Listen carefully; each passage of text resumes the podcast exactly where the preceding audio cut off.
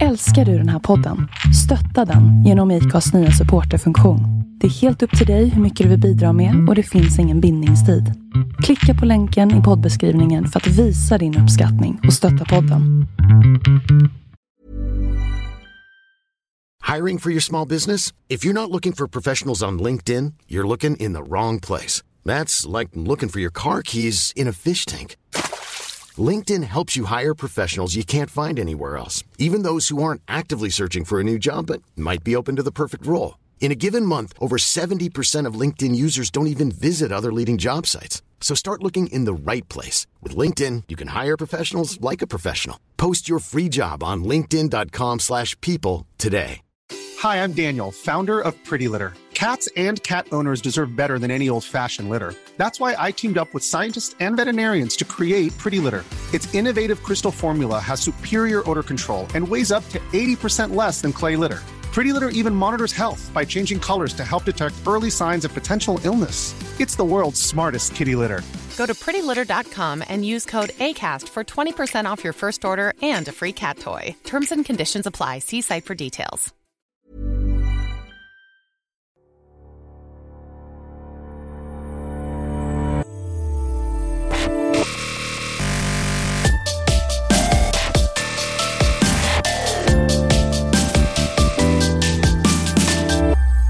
Hej och välkommen till ett nytt avsnitt av Bloggbusiness. En podcast från Better bloggers, Sveriges yrkesnätverk för bloggare.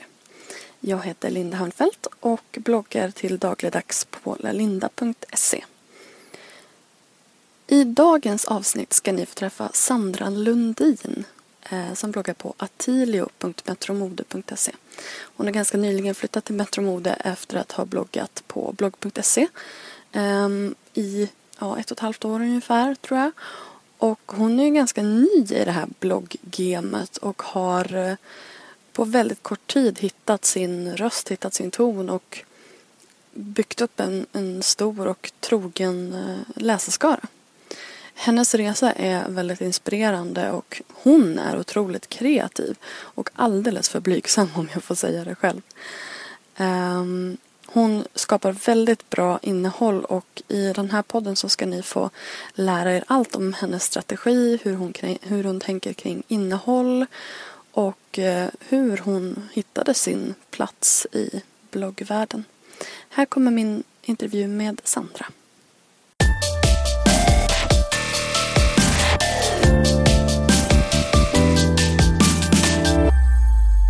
Hej Sandra och välkommen till Bloggbusiness! Hej och tack! Nu spelar vi in här som, som du är van att göra via, via Skype. Um, men vi har ju träffats innan. Så att det här känns lite, lite mer avslappnat än om det hade varit bara första gången som vi pratade med varandra. Känner jag. Känner du?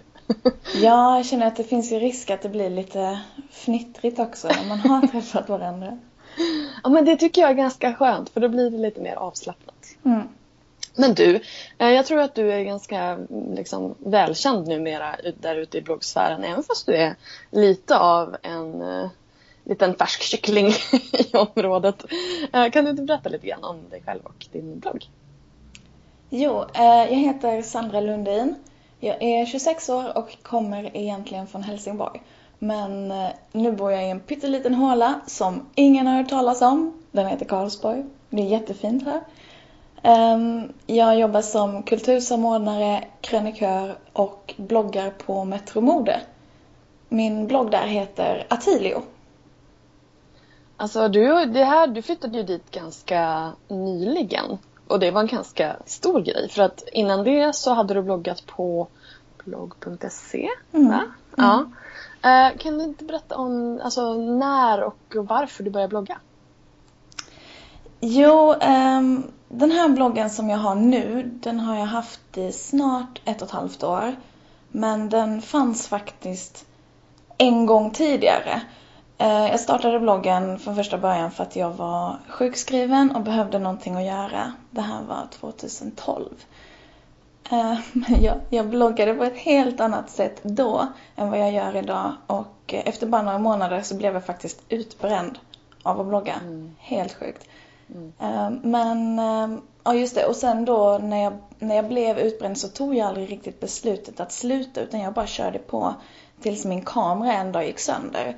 Och eh, då hade jag inga pengar till att köpa en ny så då liksom det var nästan som att det var meningen för då, då fick jag ju lägga ner den. Och sen följde två år där jag knappt fanns på internet överhuvudtaget. Inga appar, ingenting. För jag, jag liksom var helt slut.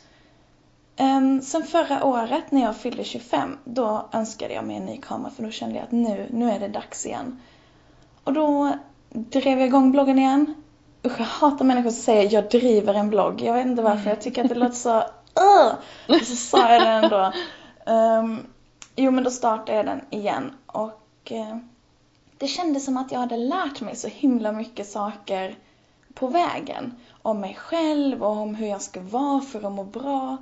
Och istället för att det blev en sån här jobbig grej att jag skulle ha en blogg som, som bara liksom syftade till att människor skulle hitta till mig och jag skulle bli känd. För lite mm. så var, var det från första början att jag ville. Så blev det här ett ställe för mig att, äh, att utvecklas och att kunna få visa upp alla mina olika tusen intressen som jag har. Och eh, ja, idag så är det liksom eh, en del av mitt jobb, men eh, nästan som min bästa vän liksom. Vad fint.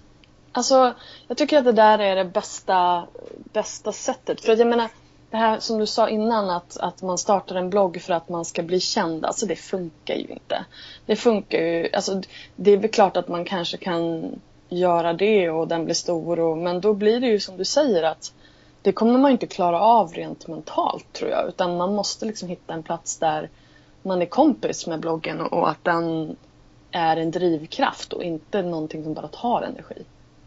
Nej precis och just nu ser jag på den verkligen som ett komplement till mitt verkliga liv. Alltså mm. att vi är samma fast jag visar lite olika bitar och delar med mig av olika saker på de olika plattformarna. Mm. Eh, men då var det ju verkligen så att jag hittade på hela livet för att, för att jag skulle ha material. Mm, man skapar liksom eh, alltså man skapar ett liv eller man skapar liksom händelser för att man ska ha någonting att blogga om. Ja, absolut. Alltså, ja. När jag läste tillbaka så bara en vanlig händelse kunde jag ju verkligen måla upp i så vackra ord att jag i efterhand bara kände så här, jag har inte varit med om det här. Alltså, jag var på den platsen. Det är som att skriva skön, skönlitterärt liksom. Ja, alltså bara nej, det, det här är inte verkligheten. Det är inte så uh, mitt liv är egentligen. Det här är en förskönad bild till max. Ja, men alltså, jag vet inte om du lyssnade på, mitt, eh, på min eh, intervju med Jonna Jinton. Men det, det, känns lite grann som just det här när hon hade den här breakthrough när hon står på den där stolen och ska fota den här yoghurten mitt i natten bara för att hon ska ha ett inlägg som ska upp på morgonen och hon bara jag åt den inte ens. Det är liksom det är bara en bild för, för gallerierna. Vad bra att du hittade tillbaka från, från, från den liksom för att den måste ju bli otroligt påfrestande. Och just det här att, jag menar jag, det är mycket som snackas, speciellt i USA nu liksom om blogger burnout och sådär. Och jag tror verkligen att, att man måste hitta den där platsen så att man liksom, ja men så att det blir en äkta del av en själv. För att om man ska skapa saker så blir det ju bara en, en påfrestning liksom. Mm, ja men precis. Men alltså du har ju också eh, ett väldigt stort Instagram-konto. Ja, hur, alltså. uh, hur tänker du liksom, hur kompletterar de varandra? Eller hur tänker du med, liksom, strategi och innehåll för de två olika kanalerna? Eh, jag, eh, till skillnad från många andra som bloggar, kör liksom inte de kontona ihop på något sätt. Utan jag startade mitt Instagramkonto eh, innan jag skaff, alltså startade upp bloggen igen. Och där är det verkligen i princip bara naturbilder tagna med min telefon. För att jag bor så vackert och vill verkligen visa upp det för andra. Och eh, telefonen finns alltid tillgänglig. Jag tycker inte att jag har samma trafik på någon av de eh, platserna. Så jag ser det verkligen som två olika, ja men nästan två olika hobbys liksom. Alltså det är två olika sidor av mig. Alltså två saker. Tar du alltså de bilderna med din telefon? Mm. Alltså det är helt sjukt. De är, det är ju fantastiskt bra bilder. Ja, alltså eh, nu, nu har jag ingen telefon exakt just nu. så, så jag vet, jag la upp en bild på Alltså jag la upp en bild på en av våra katter när de fyllde år för någon vecka sedan och den var Ja. tagen med kameran och då var det någon som skrev så här direkt Tar du fortfarande alla bilder med telefonen? Man bara åh. Nej, min telefon är inte i min ägo just nu så då blir det svårt. Ja men eh, i princip alla bilder, ja. Mm. Men det tycker, jag är, det tycker jag är jättehäftigt för att jag har liksom Alltså jag fattar det här att man vill ha jättebra kvalitet och att man eh, tar bilder med systemkameran och lägger upp men det tappar lite charmen då och lite utmaningen kan jag tycka eh, med just Instagram. För att ja, ah, det känns lite som, jag vet inte, jag kanske har blivit någon slags så här konservativ Instagram-användare. Nej men jag, jag kan tycka att eh, vissa människor verkligen får till det här med eh, systemkamerabilder på Instagram. Men jag, ja, alltså jag tycker verkligen att vissa människor lyckas där med att lägga upp systemkamerabilder på Instagram. Men när jag gör det så blir kvaliteten superdålig. Så jag ändå, alltså jag tycker att mobil på det forumet blir bäst. Mm. Ja, men har du hittat din grej, det är ju jättebra. Men du säger att du, du, du har liksom de kanalerna så skilda. Då, alltså, då känner du inte heller att de stöttar varandra på något vis. För att många gånger så använder man ju Instagram kanske för att sprida bloggen och sådär. Men du känner att de är två helt, två helt olika? Ja, alltså jag önskar ju att de var mer sammanlänkande, men jag, sammanlänkade. Men jag tror att om man startar ett Instagramkonto som ett komplement till bloggen så är det lättare att liksom eh, välja vissa delar av, men av ens content liksom och lägga ut där så att det ja, men så, kompletterar varandra. Men jag fick alla mina följare för att Instagram själva valde att lyfta upp mig på sitt konto och skriva en artikel om mig. Och jag vet därför att de flesta av mina eh, följare där inte är från Sverige och att det de vill se är naturbilder. Ibland lägger jag upp bilder från vårt hem. Och mina katter går också alltid bra liksom. Katter går ja, alltid det bra, funkar oavsett. alltid. Men om jag lägger upp bilder från mitt hem eller om jag lägger upp en bild där jag försöker skriva så här. Nu har jag lagt upp ett blogginlägg, kika gärna. Då, alltså, då försvinner det hundratals direkt. Oj då. Ja, de bara hoppar av tåget och bara nej, nej. Det här vill vi inte vara med om. De är lite känsliga. Uh, du har inte funderat på att starta ett till Instagramkonto då? Liksom, som, som stöd för, för bloggen? Det skulle jag följa lätt. Ja, vad gulligt. Men nej, jag... det räcker. jag ja, men jag är, så jag är dålig faktiskt på att eh, promota min blogg i andra kanaler. Jag, eh, jag är fortfarande lite så här eh, burnout skadad och känner Ja. att jag kan inte finnas på alla ställen. Det funkar inte för mig. Nej. Nej men då så. Då, då, och jag menar, man kan ju lugnt säga att din blogg klarar sig själv. Alltså, du har ju lyckats bygga en stor blogg på väldigt kort tid. Hur, hur har du gjort det? Hmm. Ja. Åh, det är nu man bara ska dra fram så punkterna. Jag gjorde så här och sen gjorde jag så här. Följ Ja. detta alla.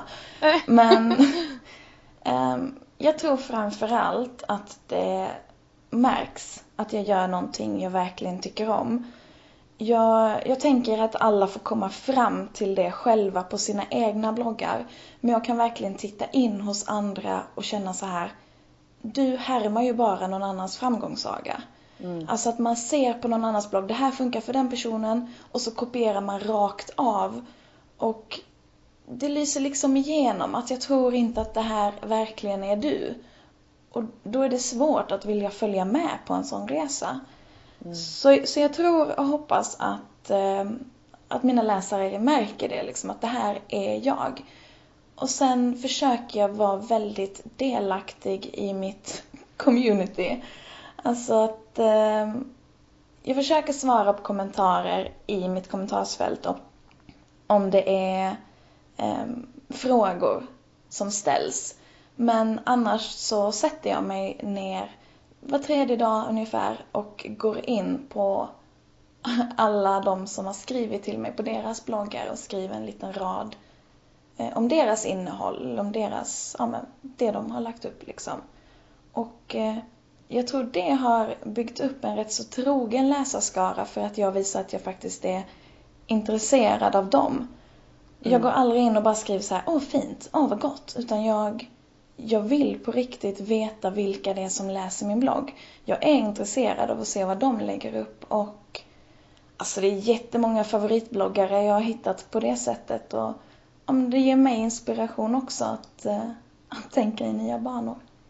Vad fint. Det är väldigt fint tycker jag att man verkligen så engagerar sig i sina läsare och tar ett litet extra steg och faktiskt eh, som du säger engagera sig i, i deras innehåll och inte bara svara på det de säger. Det handlar ju, du måste man ju verkligen så här, ta sig tid att göra men du gör ju uppenbarligen det. Så att eh, ja, kudos.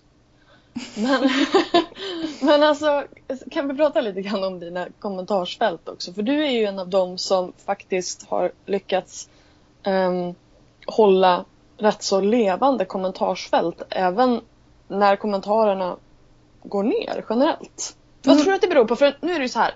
Det finns det, jag, jag känner så här, om jag ska göra en liten analys av din blogg. Nej men alltså det finns ju lite anledningar för det. För det första så har ju du inga andra sociala kanaler. För att jag kan känna att många av mina eh, liksom kommentarer som skulle ha hamnat på bloggen de hamnar istället på Instagram eller på Facebook eller på Twitter.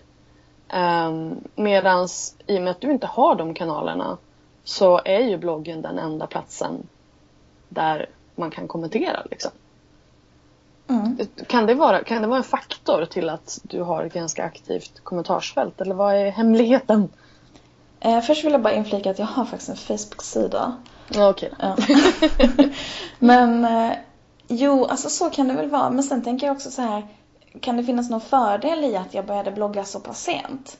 Alltså jag vet inte, finns det fortfarande kanske någon så här nyhetsfaktor i att jag, eh, att jag kom in så sent i bloggvärlden kanske? Det är Fast fortfarande det- spännande. Vet, ja, fast vet man ens det? Alltså, jag menar, det är klart att folk kanske som har hängt med hela tiden, men jag tror, jag tror inte att det har med det att göra, för du har ju hållit, jag vet inte. Du, du, har ju, du håller ju så pass bra liksom, innehållsnivå så att jag, jag ser aldrig någon slags så här, nyhets eller så här, ja men det är en ny bloggare utan då tycker jag snarare att ja ja men då kommer det ta ett tag för dem att work out the kinks liksom. men eh, så att jag, nej, jag är tveksam till det. Då vet jag faktiskt inte. nej, skojar. Nej men då är det bara men bra. Jag, ja, nej men alltså jag tror att det dels är som sagt det här eh, engagemanget som också är från min sida. Att, att andra vill ehm, ja, men lägga ner tiden att kommentera. Sen märker jag att det går ner så himla mycket nu på sommaren. Mm. Och eftersom jag inte har... Förra sommaren hade min blogg inte kommit igång så då hade jag 100 följare kanske. Och eh, då vet jag liksom inte, kommer det komma igång igen till hösten eller kommer det ha trappats ner totalt nu? Men jag tror att man ska tänka att man utformar inlägg som ändå lämnar utrymme till läsaren att faktiskt eh, ha en egen åsikt. Alltså det behöver inte vara att man ska tycka till om ett ämne men att man ändå kan säga att vilken rolig idé, så här hade jag gjort. Eller vilken rolig idé, det här har jag gjort förra veckan. Alltså att man, eh, att man hela tiden på något plan antingen kan inspireras till att göra det själv eller att känna igen sig i det. Att eh, det här har jag gjort eller det här skulle jag också vilja göra. Mm. Att liksom våga, våga lyfta livet ja, men på något sätt så som det är. Så att de som läser faktiskt kan känna igen sig. Jag tror att igenkänningsfaktor är en jättestor framgångsgrej. Och jättestor, liksom, när det, som du säger, kommentarsgrej. För att jag, jag märker ju också alltså på min egen blogg, men även på andra, så att när man skriver liksom, självutlämnande texter eller eh, låter eh, liksom, läsarna följa med på någonting, då finns det kanske mer utrymme än om man bara lägger upp en outfit. För då finns det inte så mycket att säga förutom fint eller fult eller var har du köpt den? Ja, precis. Och jag menar, att tipsa om en grej behöver ju inte betyda att man lägger upp en bild på en vara och bara, här kommer ett tips. Utan om man eh, lägger upp ett helt inlägg där det är så här, följ med mig en hel dag. Så kan man ju väva in små tips i texten. Att vi Precis. gick till det här stället och vi åt där eller vi tittade på den här saken. Och det bjuder liksom in till konversation för det handlar inte bara om mig, mig, mig. Utan kanske om vad läsaren också skulle kunna ta del av. Men du, ehm, berätta om eh, flytten till Metro Mode. För det här var ju ganska nyligen. Det var väl nu i Första juli. Ja. Första juli, ja det är en månad sedan. Så att jag menar, det, det var ju en jättegrej att efter ett år få flytta till Metro Mode. Berätta! Ja, alltså det här är lite roligt för att eh, jag hade ju en podcast tidigare som hette Källan. Där spelade jag in ett avsnitt med Flora Wiström. Och eh, när vi la på oss så sa hon så här, men du, du har väl mejlat massa olika portaler liksom och eh, sagt att du kan flytta till dem? Bara, nej, va? Ska man det? Hon bara, ja men alltså det är bara att köra liksom. Och ju mer vi pratar om Det det hade hon ju själv gjort för att Ja. göra en liten tillägg. Hon själv hade ju, hade ju liksom eh, verkligen tagit tag i saken själv. Mm, precis. Och, och jag liksom hade ändå tänkt så här. Nej, nej, man ska bli upptäckt. Det är någon som ska höra av sig och bara du är grym, kom till oss. Men ju mer jag tänkte på det så kändes det ju väldigt osannolikt att någon helt plötsligt ska trilla in på ens blogg och bara tänka den här ska vi ha. Mm. Eh, Så jag mejlade till eh, tre, fyra stycken kanske och bara hej, jag tycker verkligen om eh, er plattform, jag skulle kunna se mig själv här. Och sen tog jag med lite av eh, mina egna favoritinlägg och kategorier från min blogg. Mm. Eh, det hörde av sig några tillbaka och eh, det blev rätt så fort färdigt att jag skulle flytta till en annan portal. Eh, och vi började göra upp med saker som skulle fixas inför flytten. Och två dagar innan julafton hör Metromodo av sig och bara Tack för ditt mail, det låter väldigt intressant. Vi ska snacka lite här och så hörs vi. Och jag bara, nej ja, eh, tack, eh, tack för att ni skrev och tog er tid. Men jag har eh, tänkt i andra banor liksom. Att jag ja, men då skulle flytta till en annan portal. Ja. Dagen efter det får jag telefon, alltså dagen innan julafton, så himla ruttet. Eh, får jag- får jag telefonsamtal från den eh, andra portalen som bara du, det har eh, hänt någonting, du kommer eventuellt inte kunna flytta till oss. Eh, ja, alltså fatta, fatta hur mycket jag ångrade det där svaret till Metro Mode då bara nej. Ja, man ska inte vara så, man ska vänta lite så här. Ha Ja, lite is i alltså, magen till... Exakt, bara tio Ja. minuter efter att jag fick mejlet, jag bara nej tack. eh, inte helt coolt. Nej, åh vad tråkigt. Ja, fortsätt. Och sen följde massa månader när jag varken visste om jag liksom skulle flytta till den där första portalen vi skulle prata om, eller den första portalen som vi hade pratat om. Eller om jag skulle blogga på en helt egen sida och det var liksom verkligen turer fram och tillbaka. Och eh, sen en dag i mars så bara skrev Flora så här, hej du Sandra Beijer flyttar till oss om några veckor. Vi, vi har suttit här på ett möte och tycker att du ska hänga med oss dit liksom. Um, alltså, Du bara okej. jag ryser nu när jag berättar det för att det finns verkligen några bloggare som, som jag har sett upp till hela den här tiden och bara känt så här de här människorna vill jag hänga med. Mm. Och det var så himla fint att få det mejlet. Jag bara, ja tack! Ja, alltså det där är ju verkligen drömmejlet. Men det är alltså, det är verkligen så här. Om man bara put it out there into the universe så kanske det bara kommer tillbaka svischande. Och så sen så tror jag också bara på det här, fortsätt jobba hårt så kommer det liksom att, att ge sig. Absolut. Och ehm, när vi pratade lite om den här flytten efter att jag hade tackat ja så, så berättade jag det för hon som jobbar då på Metro Mode. Jag bara, jag bara åh det, det kändes så dumt för jag ångrade mig liksom när jag hade sagt nej och, och drog hela den här historien. Och hon bara, alltså om du ångrar dig någon gång i framtiden, tala om det då.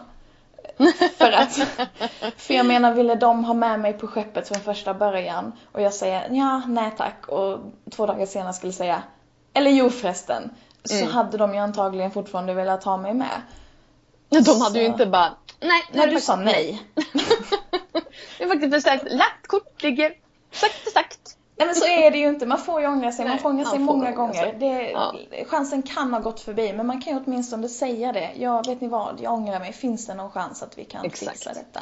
Så eh, det är verkligen mitt tips till, eh, till alla som, eh, som ångrar Ja, precis. Var inte, jag menar, alltså, var inte så himla stolt heller. Jag menar, ångrar man sig, har man gjort ett misstag, gå tillbaka, be om ursäkt. Säg, finns det en chans att jag kan få ändra mig? Mm. Eh, om man verkligen vill någonting. Att man inte bara säger nej men nu är det för sent. Eller att man lägger ord i någon annans mun. För man vet ju inte. Nej, exakt. Så, så gick det till när jag hamnade på Metro Mode. Och så sen, men då tog det det ett... När, när var det Flora hörde? Då hörde, hörde I mars, så det var lång mars. tid liksom innan Ja. det blev eh, tal om flytt. Men eh, sen första juli så ligger du där. Ja. Så nu har det ju gått lite drygt en månad. Har du sett någon förändring i trafik? Nu är det svårt för att det är juli liksom. Men Ja, ändå. alltså jag ska vara helt ärlig och säga att jag har inte tillgång till min eh, statistik. what? Det... Gud vad tråkigt. Ja, alltså jag får, ehm, jag får kanske det om jag frågar. Jag har inte bett om det ens. Så eh, just nu bara tar jag det lugnt, gör det Ja. för att det är kul och eh, har inte lagt någon vikt vid det där alls när det är sommar. För som jag sa så vet jag verkligen inte ifall det är så här det blir på sommaren, att trafiken går Jo, ner. det är så här det blir. Ja, Ja, det, det är så. Alltså jag tappar hur mycket som helst på somrarna. Eh, och jag menar det är inte bara, nu kanske den här sommaren inte har varit fullt lika stort tapp som tidigare i och med att det var så dåligt väder. Men det är ändå så här, folk är på semester, trots att det är fint väder så drar folk ut i skärgården, har ingen eh, liksom uppkoppling eller sitter inte och läser bloggar på samma sätt. Man läser böcker istället. Det är någon slags semestergrej. Man ska läsa böcker istället. Ehm, så att jo men det, det är så. Trafik går ner generellt över nätet. Överallt i stort sett. Ehm, så att det är inga konstigheter. Det kommer att, det kommer att ta, ta igen sig. Nu när eh, skolor och liksom semestrar tar slut. Så mitten av augusti ungefär. okej. Så kommer det att liksom ordna upp sig. Ja, ja men vad skönt. Mm. Nej, så då kan du be om eh, Analytics. Ja, precis. Nej, så att just nu har jag faktiskt ingen aning om det har eh, förändrats någonting. För det, som sagt, det kanske är en dum månad ändå att börja analysera. Jag börjar analysera men det är nog ganska bra månad att flytta så att du liksom om det är så att folk inte har hittat med eller eh, att du kanske har liksom, ah, nu har väl du satt igång ganska bra men ehm, att du kanske behöver hitta, ah, alltså jag vet inte, det kan vara teknik eller det kan vara vad som helst att man inte har liksom fått igång sig själv till 100% eh, på den nya plattformen. Så det var nog smart att flytta den månaden men du kanske inte ska gräva ner i just den statistiken. Nej. Men, eh, men alltså i, i övrigt liksom, känner du att du... Vad, vad har det liksom inneburit för dig rent så här, rent för dig inombords att flytta till Metromode? Känner du någon förändring? Vad får du liksom för feedback eller vad, får du, vad säger läsarna eller vad säger, har du hört från andra på, som bloggar på Metromode? Nej, alltså det som sagt det har varit sommar så jag har inte liksom haft så mycket kontakt. Eh, en sak som jag har fått höra från mina läsare är ju att, eh, att de blir lata på att kommentera för att eh, användaruppgifterna sparas inte automatiskt. Ja, det, det, det får du faktiskt ta med Metros utvecklare för att det är sjukt irriterande. Ja, så, så det är ju tråkigt för man vill ju inte att man ska tappa kommentarer bara för att Nej. det är en sån grej som gör att de, ja, men att de inte orkar. Nej men det är det ju definitivt. Alltså även, speciellt om man sitter på mobil, men även om man sitter på, på, på datorn. Man vill ju åtminstone kunna så här dubbelklicka på fältet och så finns det kvar. Liksom. Så att man inte behöver sitta och skriva varenda gång. Eh, så att det, du får lämna lite feedback där till din handledare. Nej, jag vad det heter. Ja, det ska jag faktiskt göra. Någon som är projektledare för det där. Annars så, alltså inom mig, jag har ju verkligen jag har verkligen blivit mer stolt över att det är detta jag sysslar med. Och det känns ju det känns ju häftigt att kunna säga så här när man fotar mycket ute bara det är mitt jobb. Alltså, ja, jag coolt. måste göra detta för jag, jag bloggar. Ehm, men eh, jag har också börjat ta steget till att skriva lite på engelska. Och eh, det är ju en sån sak som kanske är bra att jag testar lite på sommaren då för att jag trevar verkligen fortfarande med hur jag ska göra med det. Men eh, det känns som en, en bra tidpunkt att ta det steget, att försöka nå ut till ännu fler läsare. Spännande. Men alltså det där tycker jag definitivt att du ska göra. Just det här att presentera sig som, som bloggare i en del av ens yrke. Det här pratade jag ju med, med Sandra Beijer om. Att hon verkligen så säger att hon är bloggare till yrket. Därför att liksom cementera yrket på något vis och ge det lite, lite cred. För jag menar, nu tjänar du ju faktiskt pengar på din blogg. Eller hur? Ja. Kan vi prata lite om det? uh, hur, hur tjänade du pengar innan Metromode? Tjänade du pengar då? Nej. Ingenting alls? Inte en spänn. Inga samarbeten eller någonting? Inte så genererade pengar, nej. Alltså, nu måste det bli någon ändring på det. Men nu, nu får du någon form av månadslön, eller hur? Mm, baserad på sidvisningar. Okej, okay. ja men vad bra. Så att då har du liksom en, en eh, trappmånadslön och eh, sen brukar de också fixa lite samarbeten va? Ja, alltså det är ju det, är det som Sommar. är tanken. ja, exakt. Um, jag vet inte alls hur mycket jag ska säga om detta men jag har förstått det så här i alla fall att uh, just på den uh, bloggplattformen så får man ha en viss uh, mängd samarbeten själv liksom som är relativt små. Jag vet till exempel att många går till en frisör och klipper sig och att mm. det är en typ av samarbete som man kan sköta helt själv. Men att det såklart ändå ska finnas någon som hjälper en att ordna större samarbeten. För ehm, alltså man ingår ju ändå i deras nätverk. Jag fick det här som ett exempel ifall ICA hör av sig och bara nu eh, vill vi göra det här med dig och jag säger ja och så sitter de där uppe Eh, på kontoret och förhandla med en annan stor matkedja så blir ju det kanske en jättekrock. Mm. Det är liksom, man får ju ändå... Så du har liksom ett säljteam där som sitter och fixar samarbeten till dig? Det låter ju ganska smidigt. Ja, alltså det, det är det som verkligen lockar med att ligga på en portal, mm. tycker jag. Att man inte behöver slita sig i håret för att leta alla samarbeten och framförallt för att man inte behöver vara den som sitter och sätter priset. Nej. Utan att det finns någon annan bakom en som ändå kan säga att det här tycker vi skulle passa dig. Det här är din lön för arbetet. Det är ju det här som väldigt många liksom pratar om just i alltså Betterbloggers-forumet och det är många av de frågorna som jag får just där, hur ska man ta betalt? Och det är ju jättemånga som känner, alltså jag förstår det här att det är svårt att sätta pris på sig själv. För det första så är det liksom jantelagen som är inne och bara, nej men inte ska väl jag. Eh, för det andra så finns det liksom inga tydliga prismodeller. Jag har ju tagit fram en nu men tidigare så har det ju inte funnits det. Och sen så är det så här att när man ska när det inte finns någonting sen innan som är tydligt så ska man liksom försöka hitta på själv vad man ska tjäna och så sen ska man försöka sälja in det här till eh, en kund och sälja in sig själv och vad man själv producerar. Och det är mycket svårare än om man säljer in någon annan som tycker gör bra grejer. Då skulle man ju säga att hon är grym, hon gör ett skitbra jobb, det är klart ni ska betala. Men ska mm. man sälja in sig själv, då sitter man där och bara Ja, nej men alltså inte ska väl jag, jag kanske, nej men det där kan jag sälja ihop på en timme. Liksom. Och, så på så sätt så tror jag nog att det kan vara bra att ha någon annan som säljer åt det. Absolut. Jag har ju till och med svarat på frågan eh, Vad tar du betalt? Inte för mycket. Nej men Inte för mycket hjärtat. Alltså, ja, nej. Alltså. ja, men alltså, ibland så känner jag så att om man bara kunde titta på sitt eget innehåll och det man gör ur någon annans ögon jag menar, hade du varit...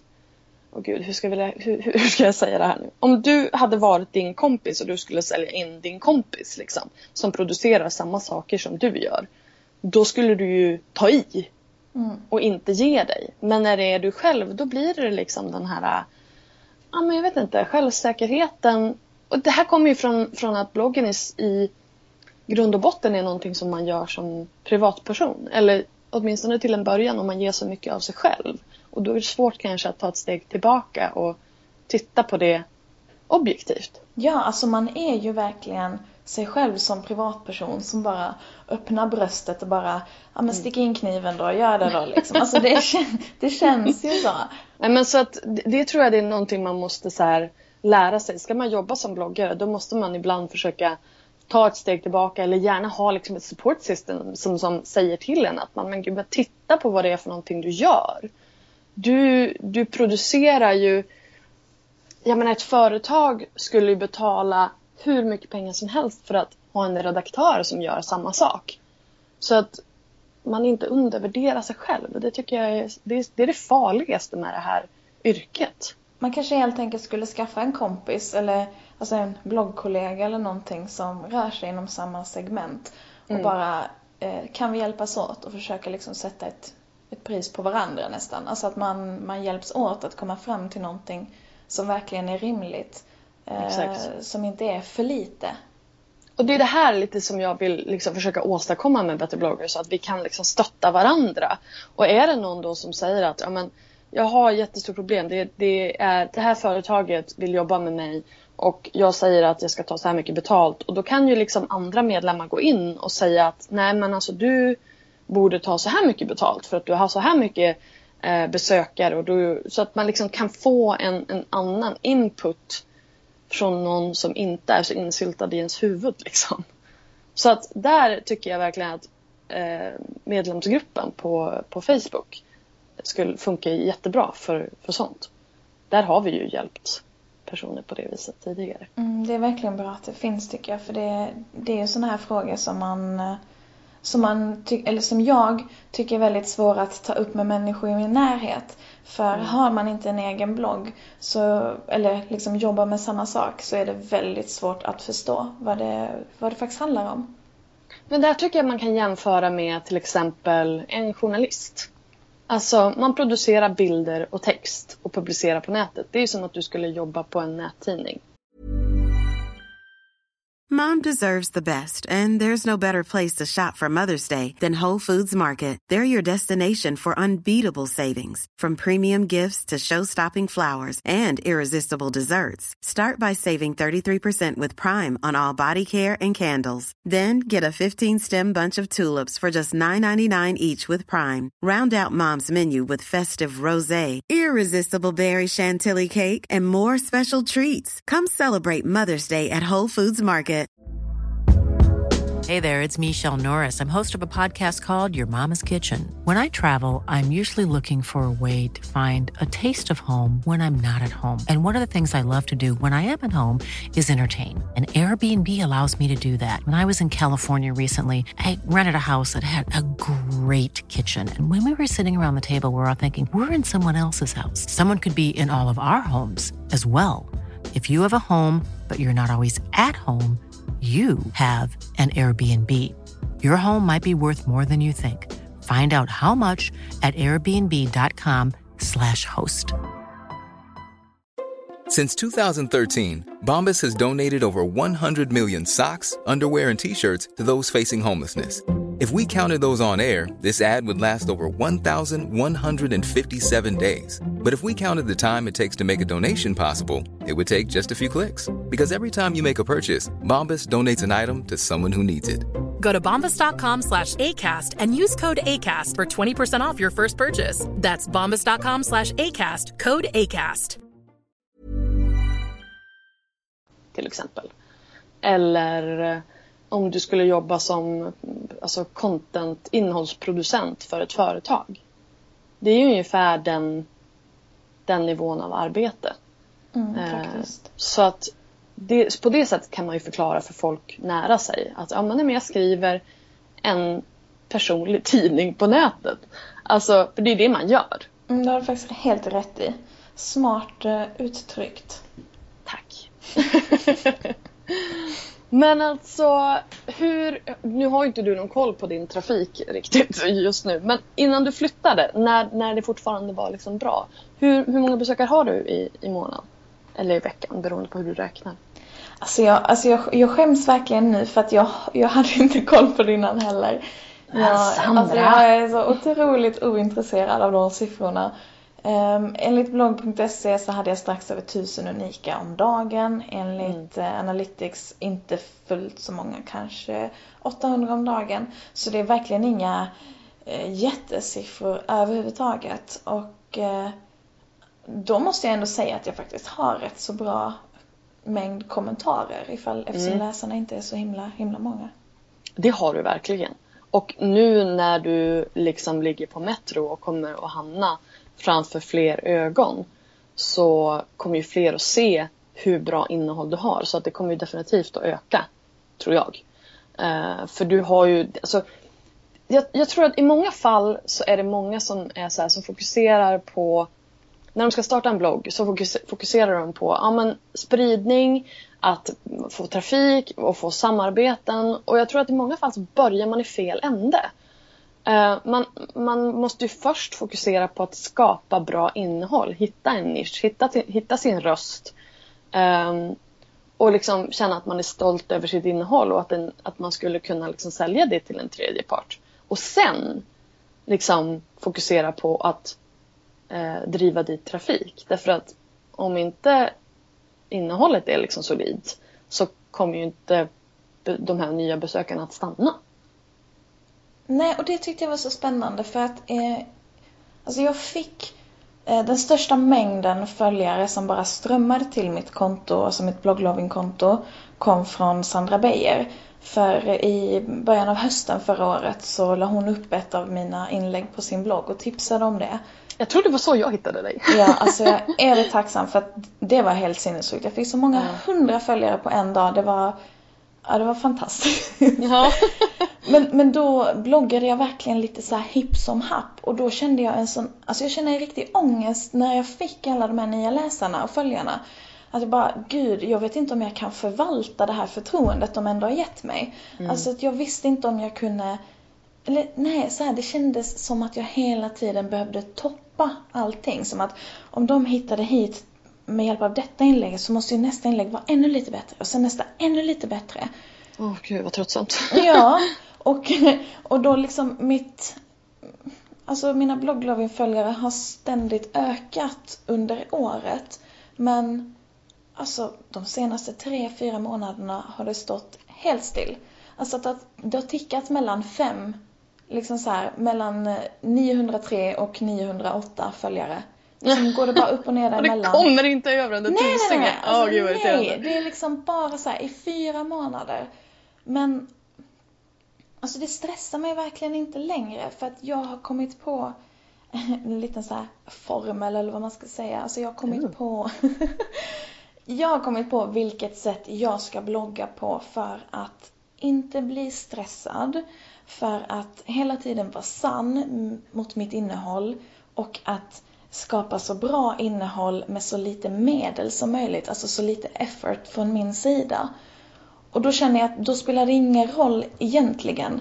Alltså, det kan hålla sig på den nivån. Nu när jag vet liksom hur jag ska blogga för att kunna producera två inlägg om dagen så vet jag också att jag har extra tid att lägga på att sprida mitt material, att lägga på att liksom försöka nå ut. Även om jag då kanske inte har Twitter och ett separat Instagramkonto så finns det ju ändå men så här Pinterest och grejer som jag kan använda mig av för att försöka sprida det materialet som ändå ligger på en ständigt jämn nivå. Alltså jag behöver inte känna den här stressen att jag hela tiden ska toppa mig själv eller att jag alltid bara ska komma på nästa stora grej. Utan just nu för mig så räcker det verkligen med att, att det är liksom jämnt. Jag vet vad jag har min nivå. Det är jätteskönt. Men eh, du är ju också väldigt duktig på just det här att vara inne på andras bloggar och kommentera. För det är ju faktiskt en väldigt bra trafikström. att kommentera på andras bloggar. Ja, förutom liksom sociala medier, om man nu har bra eh, följare där som, som vill hitta bloggen. Så är att kommentera på andras bloggar typ det bästa. Om man nu gör en genuin kommentar och inte bara åh här var det fint, hejdå. Nej gud, alltså man kan ju verkligen klicka in på så många bloggar så ser man samma person som kommenterar överallt och det är Exakt. liksom Och precis samma sak. Ja, dels det. Fast det har liksom blivit en ny trend nu att man nästan låtsas som att man är bästa kompis. Så att man är så här, åh babe, vad snyggt. Och man bara, eh, hmm. Okej, creepy. Eh, ja, men, så att man liksom ändå gör ett försök till att bli väldigt personlig. Men det lyser ändå som, där lyser det också igenom att personen är inte genuint intresserad. Eh, och jag tror faktiskt inte att man kan fejka eh, sin närvaro på internet så mycket som vissa verkar tro. Nej men eller hur, det kommer liksom att den här genuiniteten kommer att synas igenom. Exakt. Alltså, det känns ibland som man, man låter som värsta översittaren när man pratar om det på det här sättet men, men jag tror verkligen att det är så. Ja, men jag tror det med. Och det handlar inte liksom att, att man är bättre än någon annan. Men jag tror att ska man, ska man kunna ha en blogg som ska leva länge och bli omtyckt. För det är det det handlar om också. Att man, att, att man måste liksom bli omtyckt för att kunna överleva. Alltså folk måste kunna relatera till en. Och komma in på livet på något vis. Ibland tänker jag att internet är så himla, alltså tacksamt sätt för mig att visa upp en del av mig själv på för att jag är, jag är så mycket härligare på internet. Alltså jag, det, det är ditt in... sanna jag, Sandra. Ja, nej men på riktigt. Jag tror faktiskt att det är så. Gud, jag kan, jag kan vara en helt annan människa ibland hemma och gå på stan och liksom ha mungiporna nere vid fötterna ja. nästan och känna så här. Men jag ser så himla sur och trist ut och liksom så här uh, less på livet. Men jag är inte det. Men det ser ut som det. Så att uh, på uh, internet kan man inte riktigt se de där mungiporna. Ah, Nej men alltså jag, jag, tror också, men det, det, betyder ju också att man har hittat en, en plats där man trivs. Och där man liksom kan få ut den här livsglädjen som man känner. Då har man ju hittat sin, sin bloggröst så att säga. Ja, det är väl det man får söka efter liksom. För det, det är då jag tror att man kan lyckas och det är då man känner att det verkligen är värt att lägga så himla många timmar på att sprida sitt material. Du, eh, du sa precis att du, så att du lägger upp två inlägg om dagen och sådär. vad har du för strategi kring det här? Alltså jag har en jättelång strategi. Ska, ska jag berätta? Ja. share, share, share. Ja, då, eh, då tycker jag att om man precis har skaffat sig en blogg eller inte riktigt har hittat eh, sin röst eller vad man ska lägga upp så tycker jag att man som bloggare ska börja med att fundera så här vad finns det i mitt liv som jag redan gör, som jag tycker om, som jag tar del av. För att, eh, alltså att, att, att för mig börja göra sminkvideos är helt liksom far away. För att jag sminkar mig inte så mycket, jag tycker inte att det är så kul. Och det skulle bara kännas så himla onödigt tidsmässigt och energimässigt att liksom lägga ner tid och kraft på att göra en sån video. Så börja spalta upp så här. Det här gör jag och det här gör jag och det här gör jag. Och sen kolla, okej, okay, vilka kategorier kan jag få ut av detta som verkligen känns som mig? Jag har till exempel så här, recept, DIY, eh, en kategori som heter just nu där jag lägger upp vardagsbilder när någon får följa med en hel dag eller när jag gör en utflykt. För det är sånt jag brukar göra i mitt liv. Jag har en odlingskategori som jag älskar att uppdatera och sen eh, så här, boktipset lägger jag upp en gång i månaden för att jag tycker om att läsa böcker. Jag har flera kategorier såklart, men det här är ändå sånt som verkligen återfinns i mitt vardagliga liv. Så det är ingenting jag har hittat på för bloggens skull. Sen i början av varje månad, då sätter jag mig ner och så funderar jag så här. Okej, okay, augusti månad, vad händer då? Min lillasyster ska få en bebis till exempel. Då skriver jag upp det för det är liksom en händelse som antagligen kommer resultera att jag vill lägga upp ett inlägg. Antingen bilder om jag får träffa lilla bebisen eller kanske bara en kort text om hur tacksam jag är för att jag har en sån fin familj. Det kanske finns någon i din omgivning som fyller år, du kanske ska på någon fest, det är någon bio, någon konsert, något annat roligt som händer. Man kan också börja kika på speciella dagar. Det var till exempel vattenmelonens dag för, för en vecka sedan eller någonting. Och eh, tycker man om att uppmärksamma sånt, uppmärksamma sånt eller att kanske testa ett nytt recept eller ett pyssel så kan det vara jättekul att lägga upp någonting i samband med det.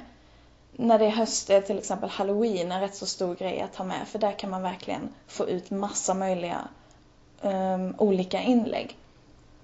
Så skriv upp allting som du tror kommer hända. Sen skriver jag upp så här. Ja, men i augusti då brukar jag vilja göra eh, då brukar jag vilja ut och plocka kantareller. Så det tänker jag göra. Jag vill göra det här pysslet och jag vill göra det här. Så att jag liksom skriver ner allt jag tänker ska finnas med på min blogg månaden som kommer.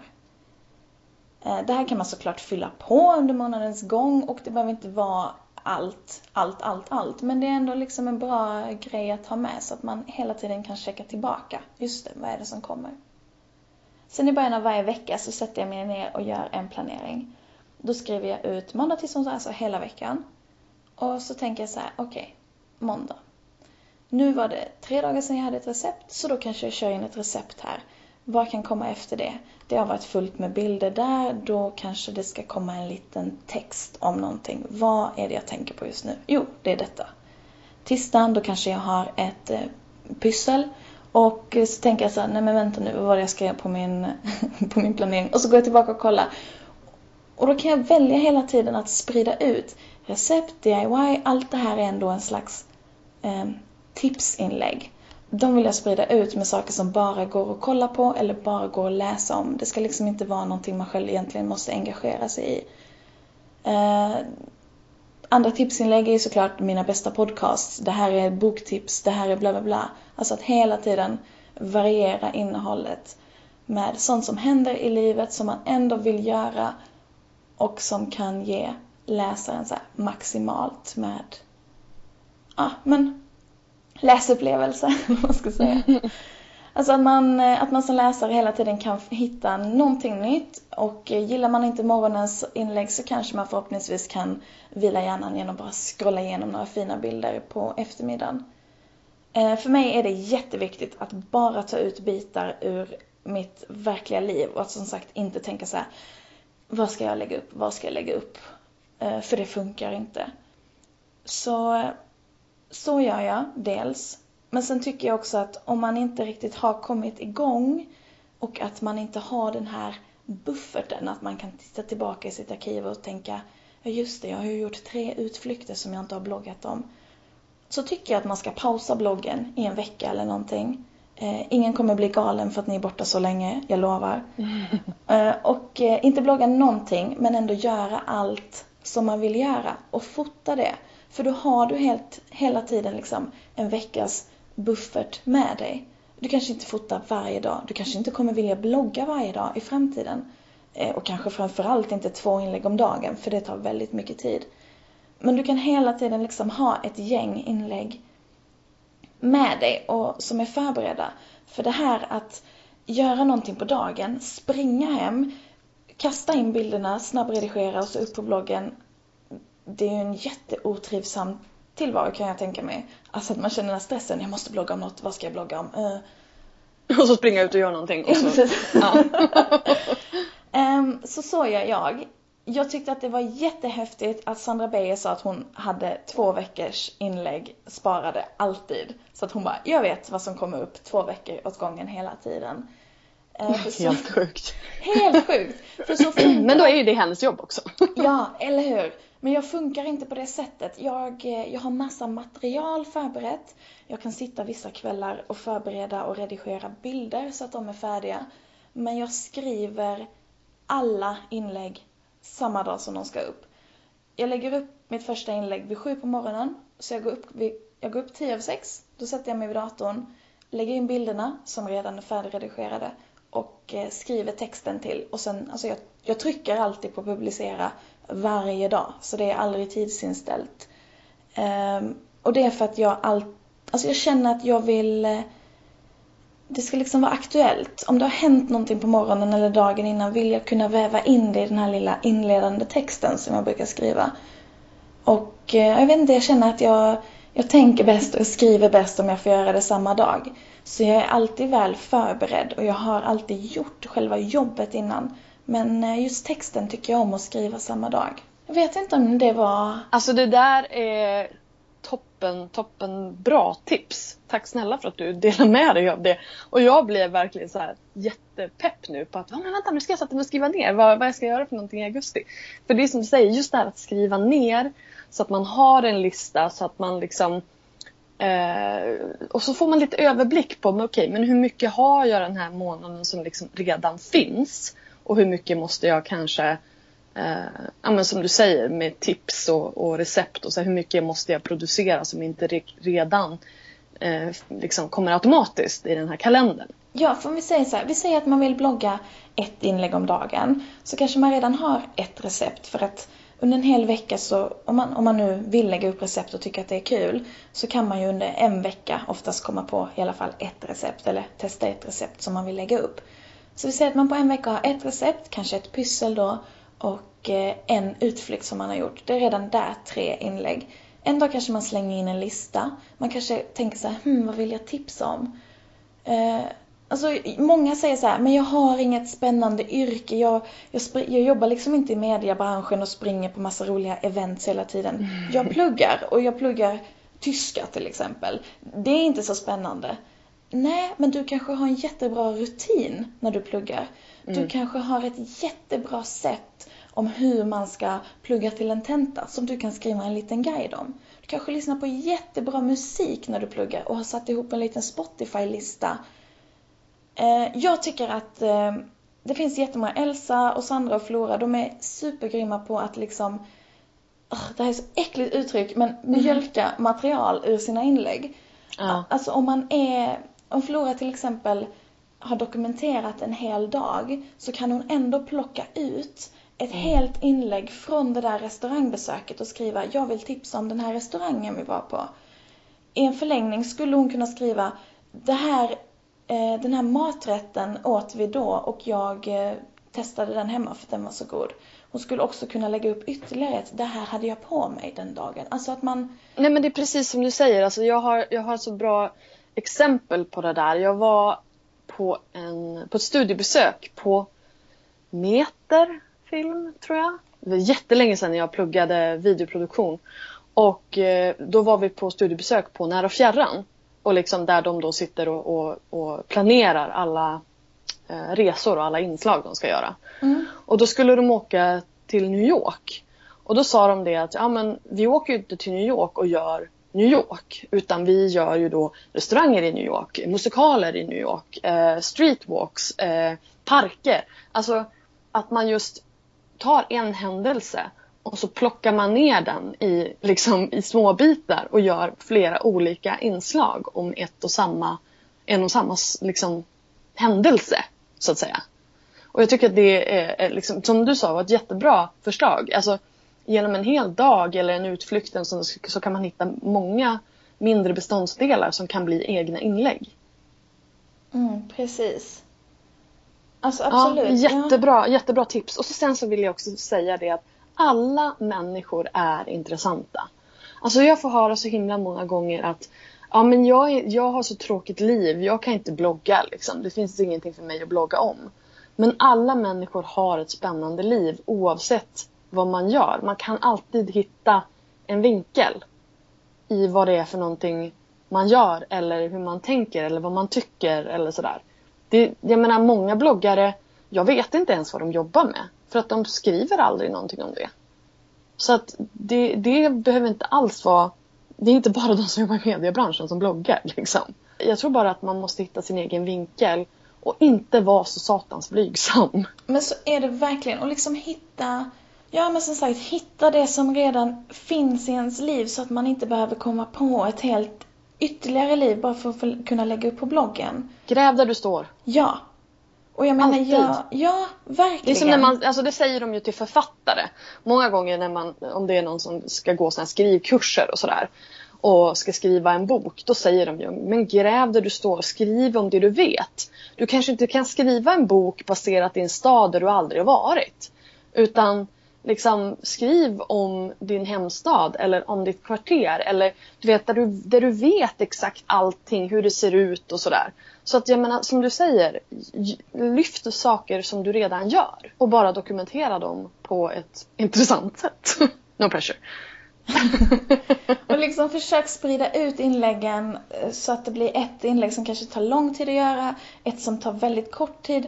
Alltså jag, jag kan skriva upp så ibland, den här dagen ska jag ha en text. Alltså jag skriver bara så text, för jag vet inte vad jag ska skriva om. Den dagen kanske jag känner, eh, idag nu när vi spelar in det här kommer jag till exempel skriva om den här eh, SD-kampanjen i Stockholm till exempel. För att jag, jag kände att jag ville verkligen skriva någonting om det. Eh, Den texten kanske tog mig fem minuter att skriva för att jag skriver väldigt fort och hade redan tänkt ut innan vad jag skulle, vad jag skulle skriva om. Mm.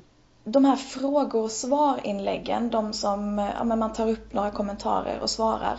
Mm. De tar mest tid av alla inlägg jag gör. Alltså att jag ska leta reda på alla frågorna, bilder till alla...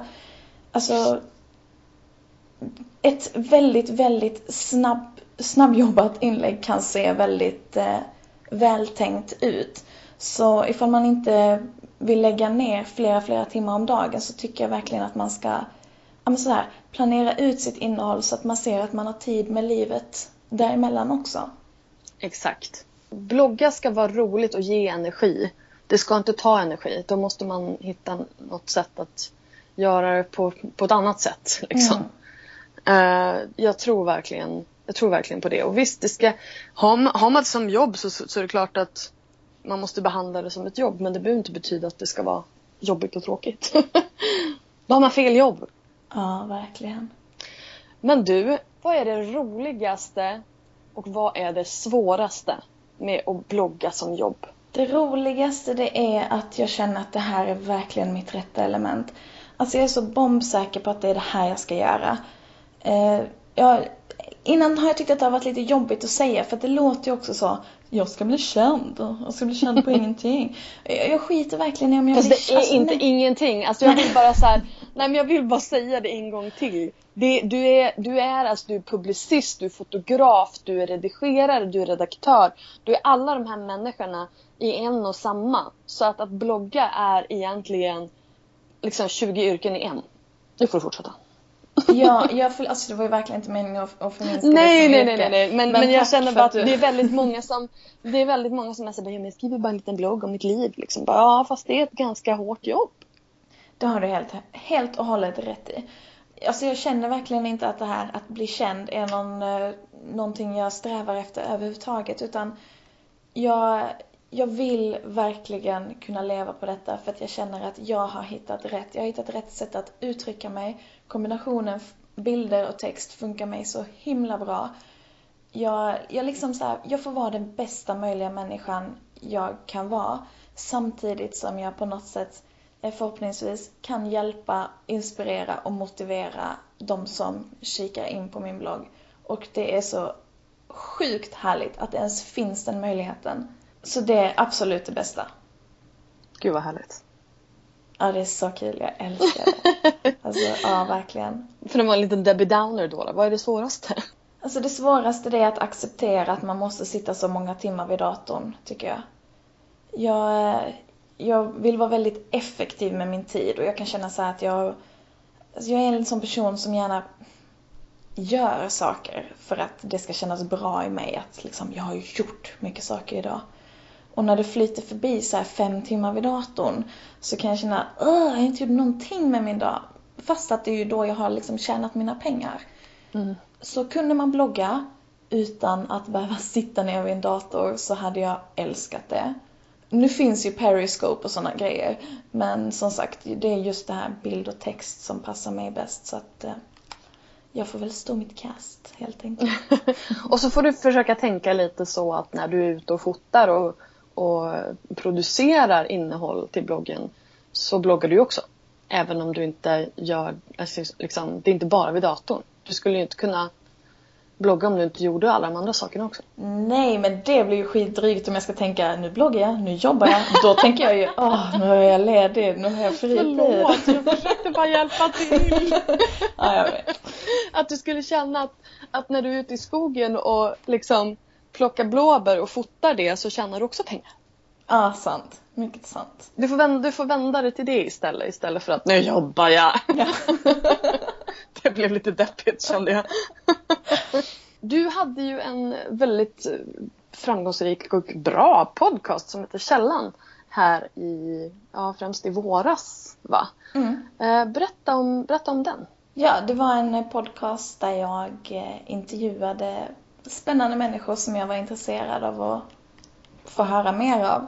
Eh, Framförallt inom olika kreativa yrken och vi pratar liksom om deras väg fram till där de var idag, vad de hade lärt sig på vägen och liksom sina bästa tips och eh, alltså jag växte så otroligt mycket av att göra den podcasten för att jag eh, jag har nog aldrig fått så många insikter om livet som när jag fick ta del av alla andras tips liksom och vad de hade gått igenom och vad de hade lärt sig. Vad, men du, du, eh, du valde ju att eh, avsluta den i, innan sommaren va? Mm. Eh, vad, vad, vad hände? Vi är många som saknar den. Ja, gulligt. Eh, det gör jag också i viss mån. För det var ju som sagt väldigt roligt att kunna...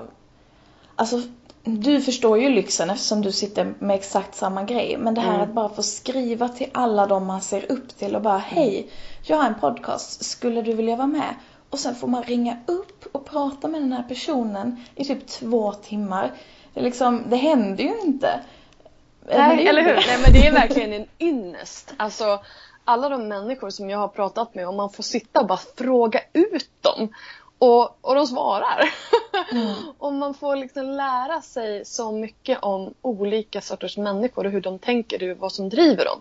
Det är verkligen, det är verkligen en lyx som du säger. Ja, det var, det var verkligen en guldgruva. Och jag skötte ju min podcast själv de allra första månaderna. La ner ungefär en arbetsdag i veckan plus att det kostade mig lite mer än 500 kronor i månaden bara att lägga upp den. Så jag gick ju verkligen back både tidsmässigt och pengamässigt på den.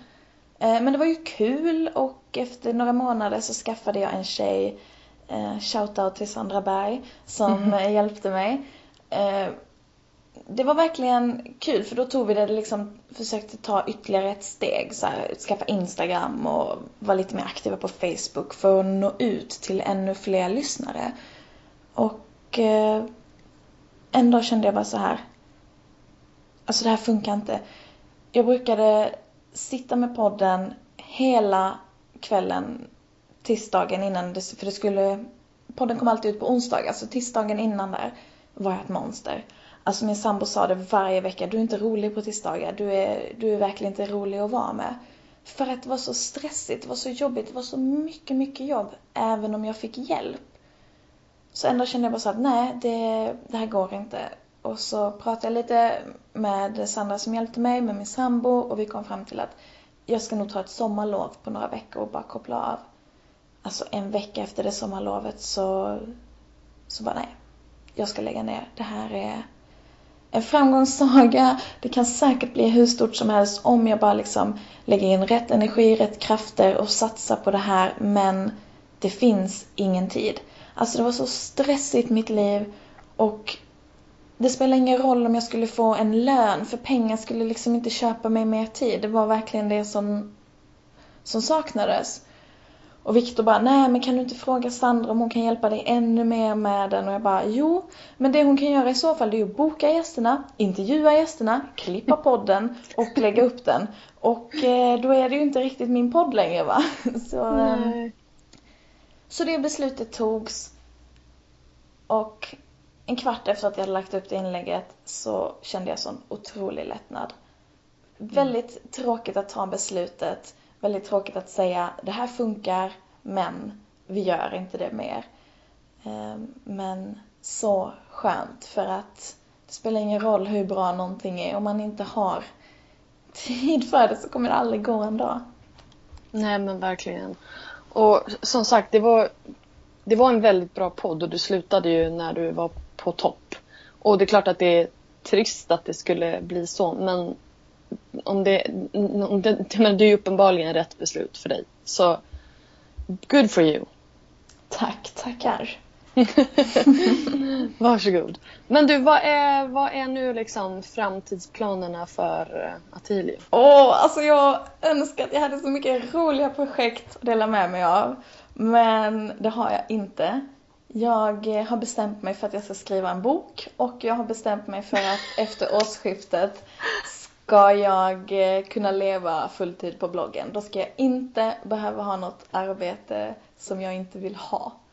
Um, men... jag, bara, jag, har in, jag har inga planer överhuvudtaget. Jag ska skriva en bok.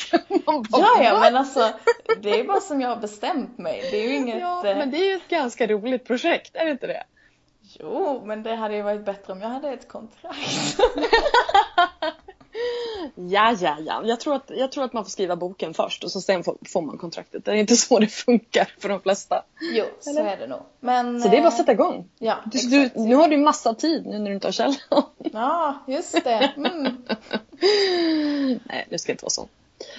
Men eh, alltså, jag ser jättemycket fram emot att se vad du gör med din blogg och med din lilla, ditt lilla mini-entreprenörsliv här med bok och grejer. Uh, för jag tror att du kommer att gå långt. Du gör väldigt bra grejer. Tack, vad snällt. Men jag ska säga en sak till förresten, mm. kommer på. Att mm. det jag har som plan, det är också att tacka nej till så otroligt mycket saker.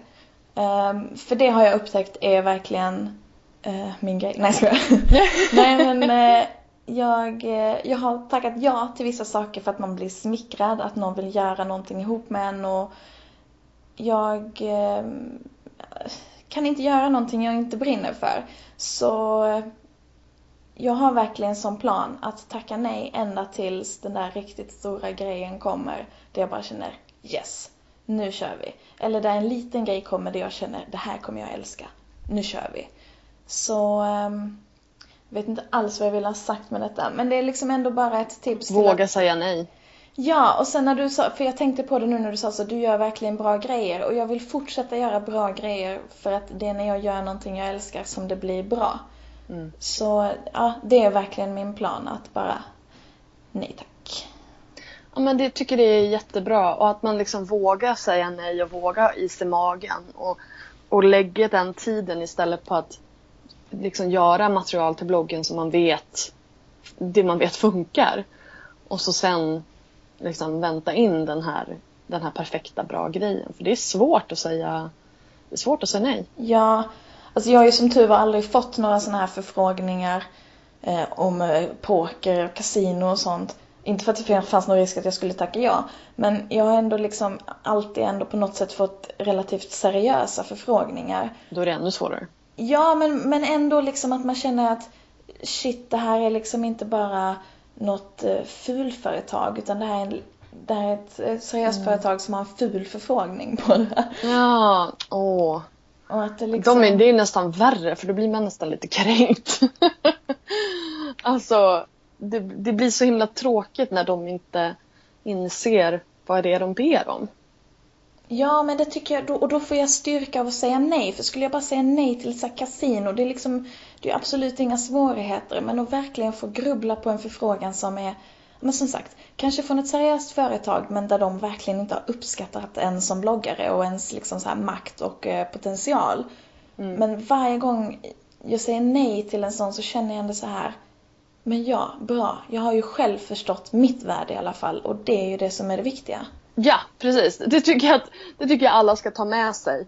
Att följ magkänslan. Liksom. Känns det inte bra utan ni känner att ja, men jag vet inte. Då är det så här, antingen säg nej eller kom till oss i Better bloggers och fråga.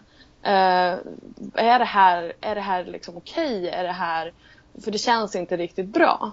Um, det är många som har gjort det i gruppen och liksom just det här. Ja men jag har fått det här förslaget. Vad tycker ni? Och sen får det bekräftas att nej men det var nog inte så bra. Magkänslan hade nog rätt. Mm. Tack snälla Sandra för att du ville vara med i bloggbusiness och lycka till med bloggen. Tack så jättemycket för att jag fick vara med. Du har precis hört ett avsnitt av Bloggbusiness, en podcast från Better bloggers. Podcasten hittar du såklart på iTunes och på bloggbusiness.se. Vi finns även på Facebook, på Twitter och på Instagram at betterbloggers. Lämna gärna en kommentar med vad du tyckte om intervjun eller kanske lämna ett önskemål om en framtida gäst. Tack för att du har lyssnat. Ha det bra. Hej då!